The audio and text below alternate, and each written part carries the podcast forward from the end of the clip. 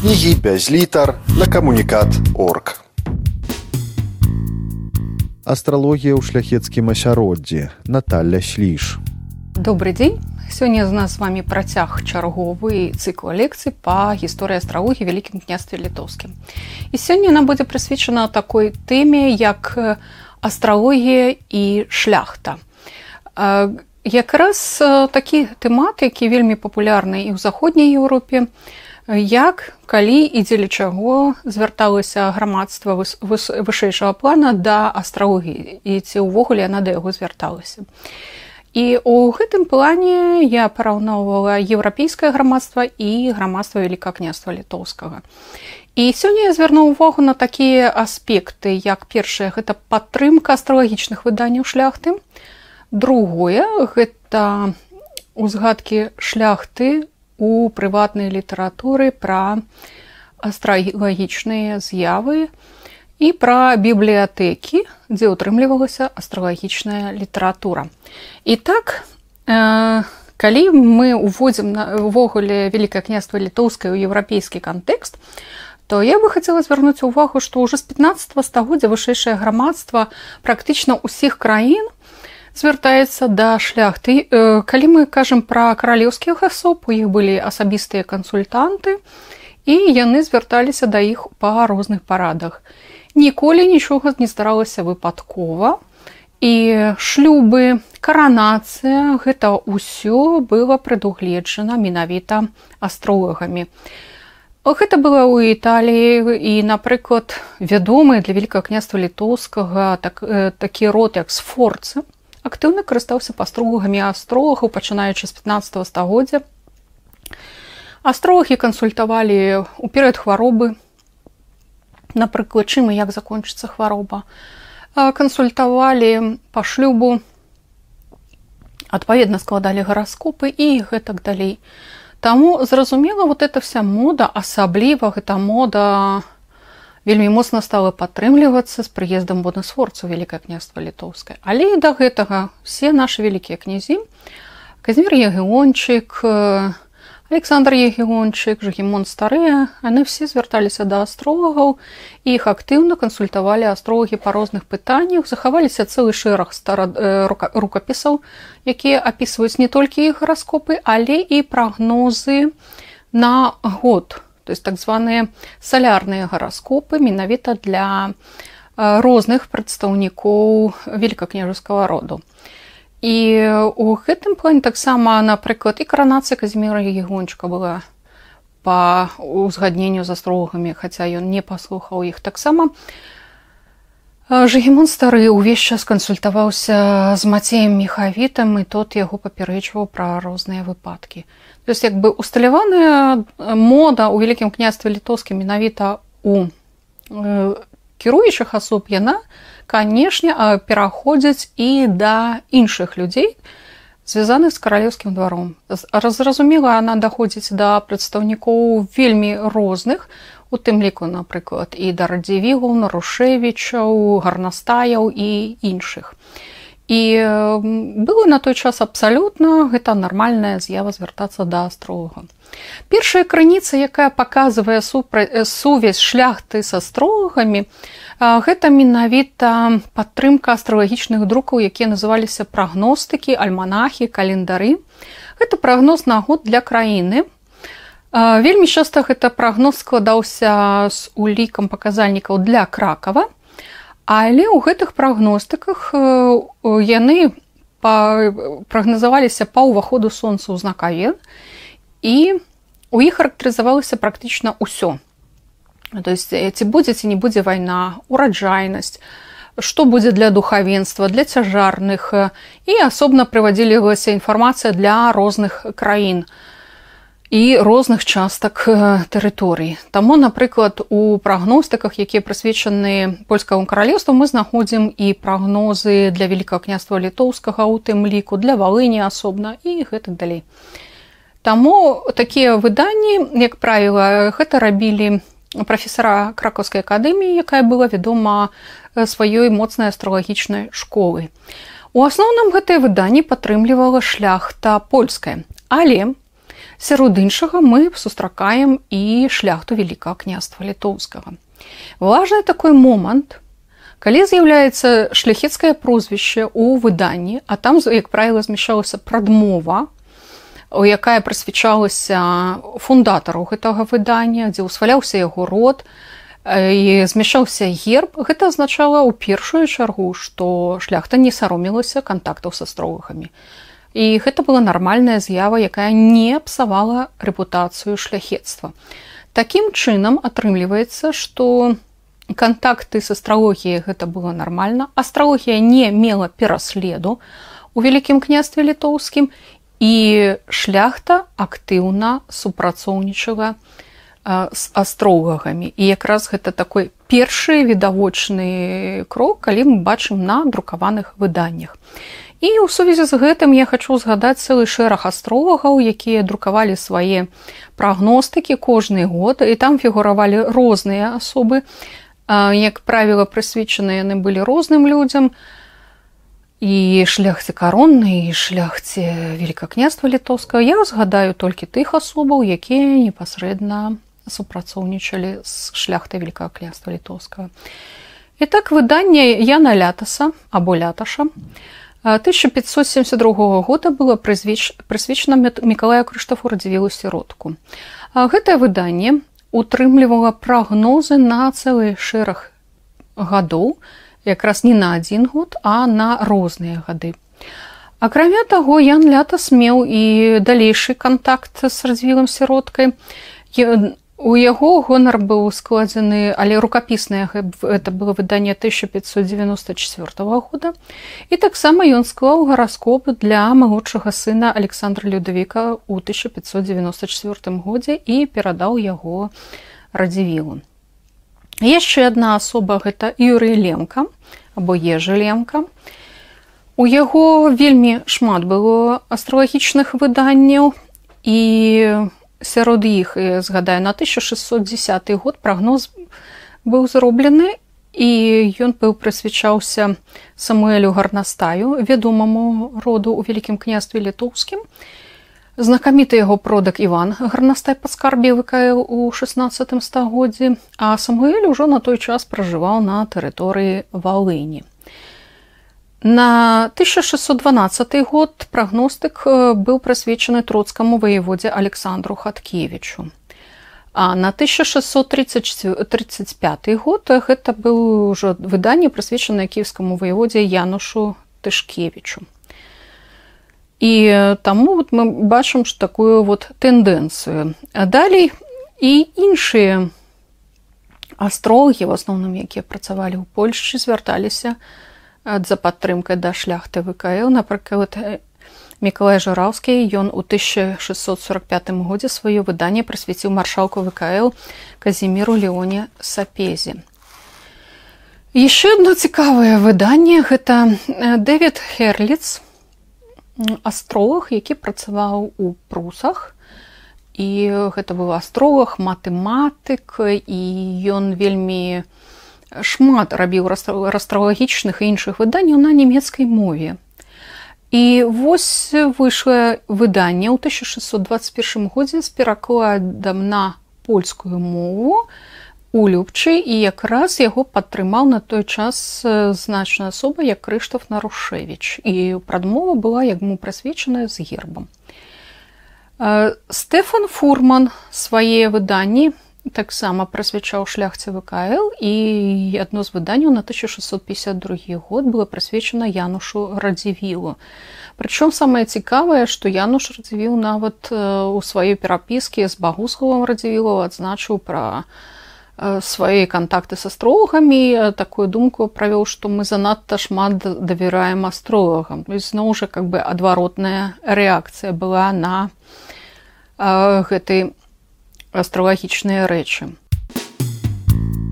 Астралогія ў шляхецкім асяроддзі чытае Наталля Сліш. Захавалася яшчэ одно цікавае такое рукапіснае выданне. Рукапіс, які прысвечаны маршалку ВКЛ Яну Карлю Дольскаму. І якраз аўтар яго быў Ян Грынкевич, Твор быў створаны на лацінскай мове 1685 годзе. Такі календар царкоўна-гістарычна-матэматычны. В асноўным гэта матэматычныя табліцы, там няма ніякіх падлікаў, але адносна астралогіі цікавы такой момант, як праход сонца па ўсіх знаках задыяку, прычым пазначаны кожны дзень і градус знака задыяка, прычым ён вельмі дакладны, я гэта спраўджвала па спецыяльнай праграме, а побач пазначана планета. Напрыклад калі солнце праходзіла праз знак авен там пазначана напрыклад уваходзіць у першы градус і адразу стаіць побач планета марс якая кіруе гэтым знакам задыяку Таму вот у гэтым плане як бы само выданне у не выданне рукапіс ён такі вельмі цікавы. А вось з таких выданняў у іншага плана не прагностыкаў дзе можна было знайсці астралогію гэта былі такія выданні як зельнікі або траўнікі і напрыклад троцкі ваевода стэфан гаштульт ён падтрымаў выданне з печынскага 1542 года. І там утрымліваецца цэлы цікавы раздзел звязаны з астралогіяй але ён звязаны менавіта з медычнай астралогіяй Там ідзе параднік і кансультацыі, калі трэба пускаць кроў, пазначаны часткі цела, з якіх трэба пускаць кроў і пазначана тое, што звязана менавіта з астраогіяй. Кожная частка цела мае сваё свайго апекуна астралагічнага. І вот пазначалася, напрыклад, калі месяц праходзіць у знаку авена, а авен ён кіруе галавою, то значыць кроў можна пускаць з усіх частак цела акрамя галавы. Ну і такім чынам было так за якую частку цела адказвае э, за тую, тую частку і нельга кранаць пушчаннем крыві. Таксама што цікава удакладняліся нюансы, напрыклад, калі у гэты перыяд месяц знаходзіўся ў апазіцыі ці ў квадратуры з сатурнам таксама нельга было рабіць ніякіх э, такіх хірургічных аперацый. Ну, напрыклад, і на сённяшні дзень вот справы звязаныя з хіру... спусканнем крыві іх можна таксама выкарыстоўваць і для хірургічных аперацый. Да сённяшняга дня не рэкамендуецца, напрыклад, той ж самы рабіць хірургічныя аперацыі на галаву, калі, напрыклад, месяц знаходзіцца ў авене. Это такой вельмі істотны момант. Вядомы Миколай Крыштаф э, Дарагастайскі, таксама падтрымліваў выданні Яна гаслера у якім ён быў яго вучням а ён вядомы тым што ён вельмі шмат друкаваў тэкстаў звязаных з медыцынай але і сам быў астрогам. То есть такім чынам шляхта яна падтрымлівала не толькі прагностыкі але і выданні звязаныя з астралогіяй Ну і як правіла з астралогіяй другі накірунак гэта былі віданні звязаныя з медыцынай. Яшчэ такой цікавы момант гэта менавіта бібліятэкі.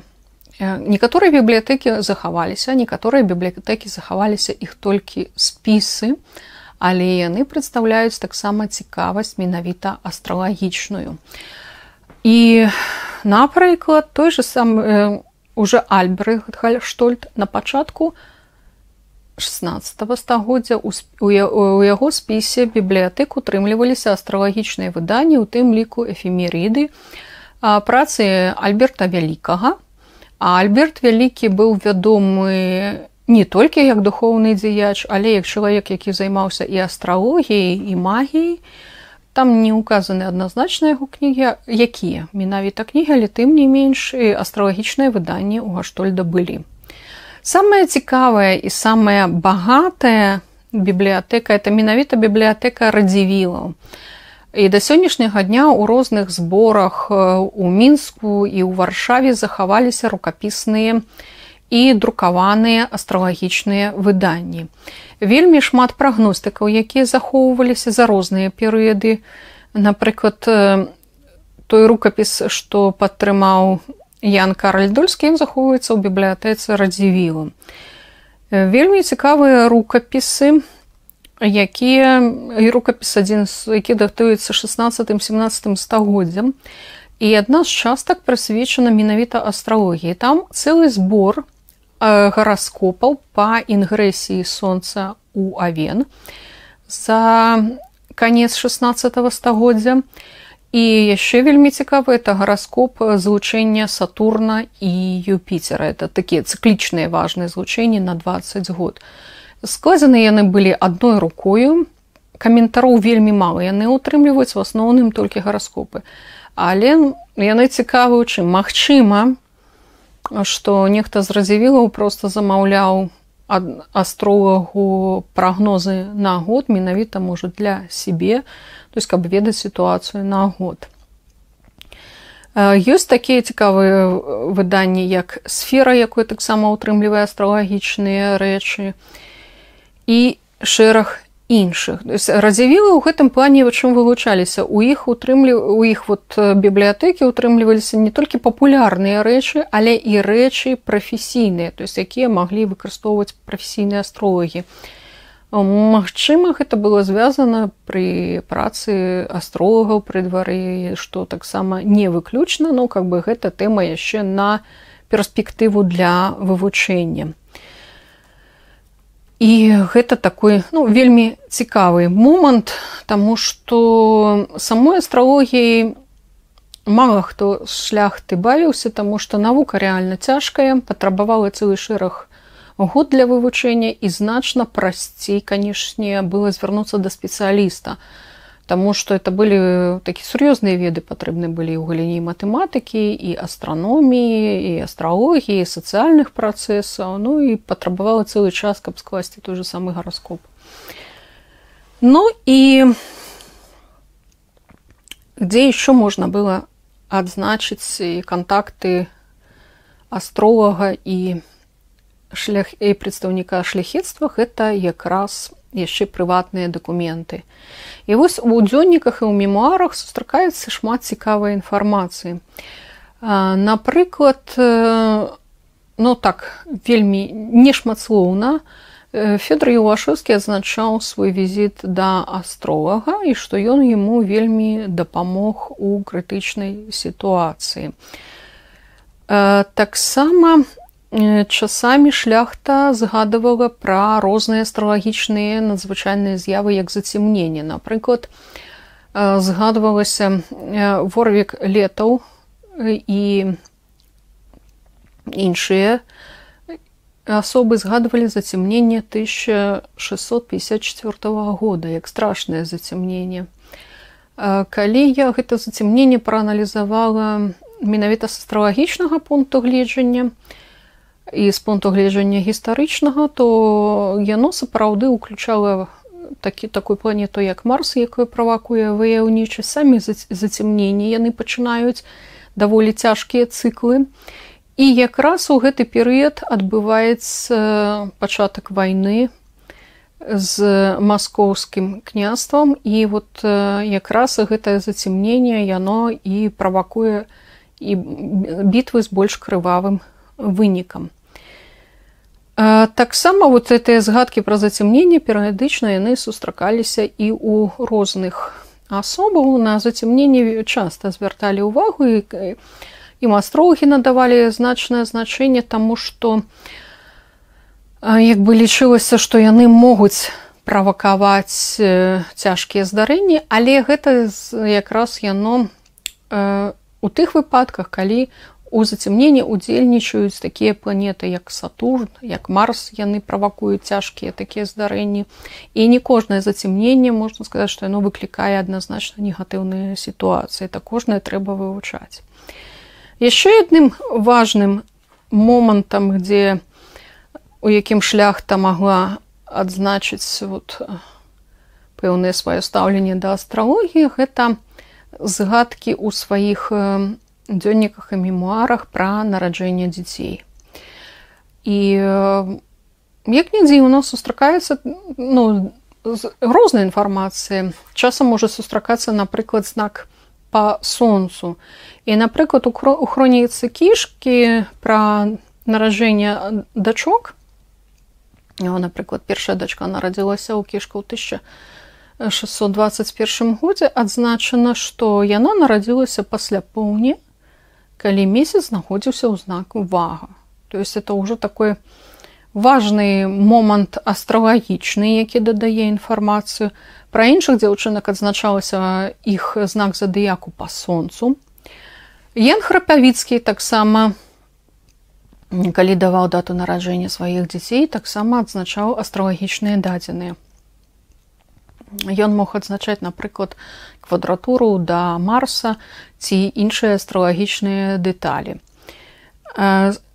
Канстанцыя сапіжанка, калі пісала пра сваю дачку Ганну пра нараджэнне дачкі Ганны, якое адбылося 23 верасня 1676 года, я напісала, што дачка нарадзілася пад знакам панны, то есть сонца знаходзілася правільна ў знаку панны і пад авенам. Ну асцэндент у той час быў у знаку шалі, а шалямі кіруе Венера, якая знаходзілася ў знаку авена на той час. То есть як бы пэўныя астралагічныя дадзеныя такія гараскапічныя часамі яны сустракаюцца ў дзённіках менавіта пры нараджэнні дзяцей што гэта магло азначаць шляхта магла сама ведаць пэўныя нюансы астралагічныя ну, якім чынам? Напрыклад калі вывучаліся вольныя навукі. У склад семі вольных навук уваходзіла астраномія ну і часамі выкладаліся асноўныя асноўныя рэчы па астралухі ну это ў залежнасці ад вНУ або ад школы дзе хто куды трапляў. І пэўныя рэчы інфармацыя пра планеты знакі задыака это не было таямніцы это была шыроко распаўсюджаная інфармацыя Аднак для прафесійнага гараскопа стварэння дзяцей яны маглі звяртацца для да кагосьці са строгаў але у гэтым плане вельмі цяжка сказаць. Адзінае што можна пазначыць што запісаўшы дату нараджэння і пэўныя астралагічныя характарыстыкі, зразумела, што або самі або пры кансультацыі з кімсьці яны на гэта звярнулі ўвагу, то есть не проста знак задыяка сонца, але і нейкія рэчы звязаныя там са сцэндэнтам ці какие-то аспекты ў гараскопу яны таксама маглі пазначаць, што таксама пасведчыць пра хаця бы пэўную абазнанасць з астралогіі. У выніку, калі мы ўвогуле характарызуем вось, на той час, чаму шляхта магла звяртацца да астралогіі і з якімі мэтамі яна звярталася, то у першую чаргу гэта мы адзначаем гэта складанне гараскопа, гараскопа і свайго і дзяцей гараскопа. І гэта мела для шляхты значэння. У другім моманце шляхта магла звяртацца ў тым выпадку, калі патрэбны былі парады. Для гэтага існуюць спецыяльныя метады харарнай астралогіі, калі кліент задае пытанне, астролог яму адказвае даць і не. Так, такім, гэта харарная астралогія нават дазваляе знайсці рэчы і іншыя моманты вызначыць. Калі, напрыклад, патрэбна было прагноз на год зрабіць, шляхта таксама магла звяртацца да астрогаў, таму што ёсць так званы салярны гараскоп, які робіць дае магчымы скласці прагноз на год. І, напрыклад, радзівіў чорны таксама па ўскосных згадках можна сказаць, што ён звяртаўся і прасіў, каб яму такія гараскопы складалі. Важна было для асобаў, якія мелі, палітычную ролю уплывалі. Для іх важна было иметь прагноз на год. Таму что калі ты удзельнічаеш у вялікай палітыцы тебе трэба хаця бы больш-менш ведаць што чакаць якія прымаць рашэнні. І астралогія адказвала на многія моманты пытання. Напрыклад як весці міжнародную палітыку гэтак далей это было распаўсюджана вельмі у Еўропе у вялікім княстве літоўскім. Таму что прыняццё адпаведных рашэнняў гэта мела значэнне не толькі персанальна для асобы, але і для краіны, таму зразумела, што звярталіся э, да астролагаў. І канешне, у гэтым плане астралогія знаходіцца як бы у такой больш схаванай сферы, таму што і прылічваецца на больш такіх таемных навук, калі, напрыклад, шляхта фундавала царкву або касцёл, то зразумела гэта было больш бачна больш відавочна гэта больш ухвалялася выдаве э, духавенствам э, падтрымка астралогіі это таксама была патрэбная рэча такая больш патрэбная для жыцця і канешне адзіна што она менш відочна Таму што тыя ж самыя прагностыкі яны друкаваліся на год. Гэта вось было як зараз газетка. І многія з гэтых календароў яны практычна або не захаваліся. Вельмі шмат выданняў захаваліся толькі прадмова. То есть яны вот на год выпусцілись і далі яны вось не для захавання. Вельмі рэдка ў якіх бібліятэках яны знаходзяцца на хаця вядома, што ў тыя ж самыя прагностыкі друкаваліся тысячамі разыходзіліся па краінах, але на выніку мы не знаходзім тыя ж самыя тысячы у бібліятэках і розных калекцыях. Яны вот год мелі значэнне, далей іх выкідывалі проста. І канешне, іх захавалася значна менш. Напрыклад, калі мы параўноўваем там казанні на смерць, там іншыя там выданні, іх, канешне, значна больш захавалася. Прыватныя нататкі яны сведчаць пра вот розныя кантакты і, канешне, тут ужо хто-то у дакументах там ці ў дзённіку адзначаў візіт да астрога хто-то адзначаў пра нараджэнне дзяцей але не так часта гэта фігуруе таму што хто-то просто лічыў што ну гэта можа і не патрэбна пра гэта пісаць. І статыстыку ў гэтым плане наколькі шляхта кансультавалася часта. Падтрымка астрогаў наколькі здзяйснялася. Тут канешне статыстыку правесці немагчыма можна толькі паказаць праз розныя дакументы і выданні тэндэнцыю што ў шляхецкай культуры існавала цікавасць да астралогіі што шляхта падтрымлівала астралагічныя выданні мела кантакты з астрологамі і на той момант гэта не лічылася чымсьці заганнай для рэпутацыі шляхты Дзякую за ўвагу. Астралогія ў шляхецкім асяроддзі чытала Наталля Сліш. Кнігі без літар на камунікат орг.